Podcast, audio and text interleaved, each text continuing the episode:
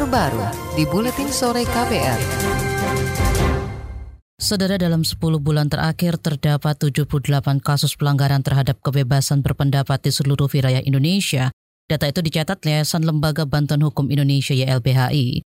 Ketua Bidang Advokasi YLBHI Muhammad Isnur menjelaskan, dari 78 kasus itu ada sekitar 6.000 orang yang menjadi korban, termasuk di antaranya 51 korban meninggal dan 44 korban di antaranya meninggal tanpa keterangan yang jelas. Sementara padahal video-video yang beredar, banyak sekali video-video oknum aparat di lapangan yang brutal. Ini kan jadi pertanyaan besar gitu. Nah, sementara itu kedua, saya temuan ombudsman tidak ada evaluasi secara sistematis kepada kesatuan yang melakukan tugas-tugas di lapangan gitu. Padahal kan gini loh, itu kan bukan cuma sekedar pelanggaran etik, tapi juga pelanggaran tidak, itu juga kejahatan pidana. Membunuh atau orang meninggal kan itu adalah sebuah tindak pidana. Ketua Bidang Advokasi YLBHI Muhammad Isnur menuntut penjelasan dan transparansi dari kepolisian.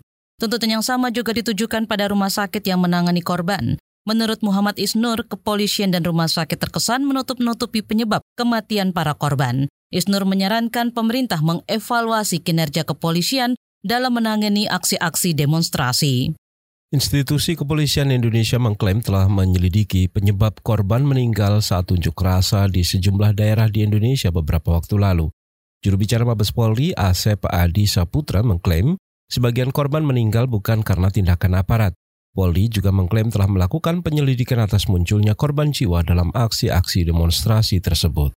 LBH ini tentunya secara keseluruhan Polri telah menyelidiki sebab-sebab kematian. Di antara yang paling menonjol adalah adanya 33 korban yang meninggal dunia akibat kerusuhan yang ada di Wamena. Itu adalah merupakan korban meninggal dunia akibat daripada kerusuhan itu sendiri. Itu tadi juru bicara Mabes Polri Asep Adi Saputra.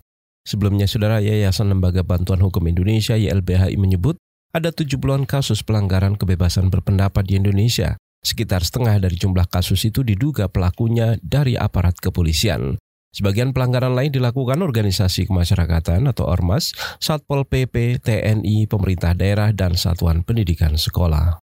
Komisi Kepolisian Nasional Kompolnas menganggap Polri semestinya tidak kesulitan memberikan sanksi pidana anggotanya yang melanggar aturan. Anggota Kompolnas Pungki Indriati mengatakan selama ada bukti yang menunjukkan pelanggaran oleh anggota polisi, maka sanksi bisa diberikan. Menurut Pungki, masyarakat juga dapat melaporkan anggota polisi yang diduga melanggar aturan. Ah, enggak, jadi kalau ada kasus itu polisi udah langsung periksa propam, jadi propam kemudian turun mengecek ya. Nah kalau etik duluan yang diproses, belum tentu pidana nggak diproses loh mbak. Anggota Komisi Kepolisian Nasional Kompolnas Pungki Indriati mengatakan selama ini Polri juga sudah membuat peraturan terkait hak asasi manusia namun dia tidak menampik jika keadaan di lapangan bisa berubah saat menghadapi demonstran. Menurutnya aparat bisa mengambil tindakan tergantung situasi dan hal ini bisa dilakukan tanpa berkoordinasi dengan atasan.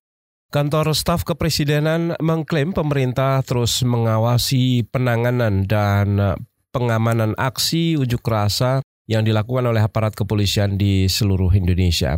Deputi Bidang Hukum di Kantor Staf Presiden Jaleswari Pramodawardani mengklaim pemerintah selalu menekankan penanganan aksi yang dilakukan oleh aparat sesuai prosedur pada setiap aksi demonstrasi di Indonesia. Ya iyalah SOP berdasarkan regulasi, berdasarkan undang-undang dan lain-lain. Harus akuntabel itu. Kita pasti akan melakukan cek and recheck, verifikasi dan lainnya. Oke? Okay? Deputi Bidang Hukum di Kantor Staf Presiden Jaleswari Pramodawardani enggan menanggapi kasus-kasus pelanggaran yang dilakukan aparat saat menjaga unjuk rasa atau demonstrasi selama 2019. Ia juga mengklaim belum mendapat informasi apa pun mengenai kasus-kasus tersebut. Tim kuasa hukum mahasiswa Kendari yang menjadi korban tewas saat unjuk rasa menuntut Presiden Joko Widodo membentuk tim gabungan pencari fakta. Ketua tim kuasa hukum Sukdar menyebut selama ini aparat kepolisian tidak serius mengungkap pelaku penembakan yang menyebabkan tewasnya dua mahasiswa Kendari Sulawesi Tenggara.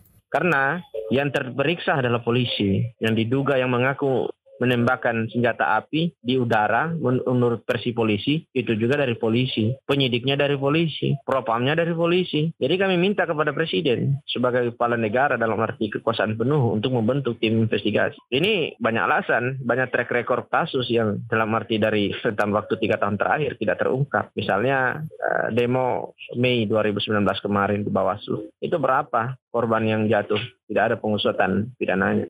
Itu tadi Sukdar, Ketua Tim Kuasa Hukum kasus tewasnya Randi, mahasiswa Kendari yang tewas dalam demonstrasi.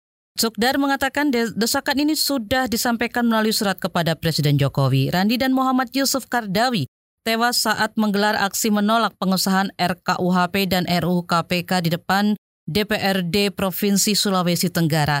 Randi tewas ditembak sedangkan Yusuf tewas usai menjalani masa krisis setelah diduga dihantam menggunakan benda tumpul.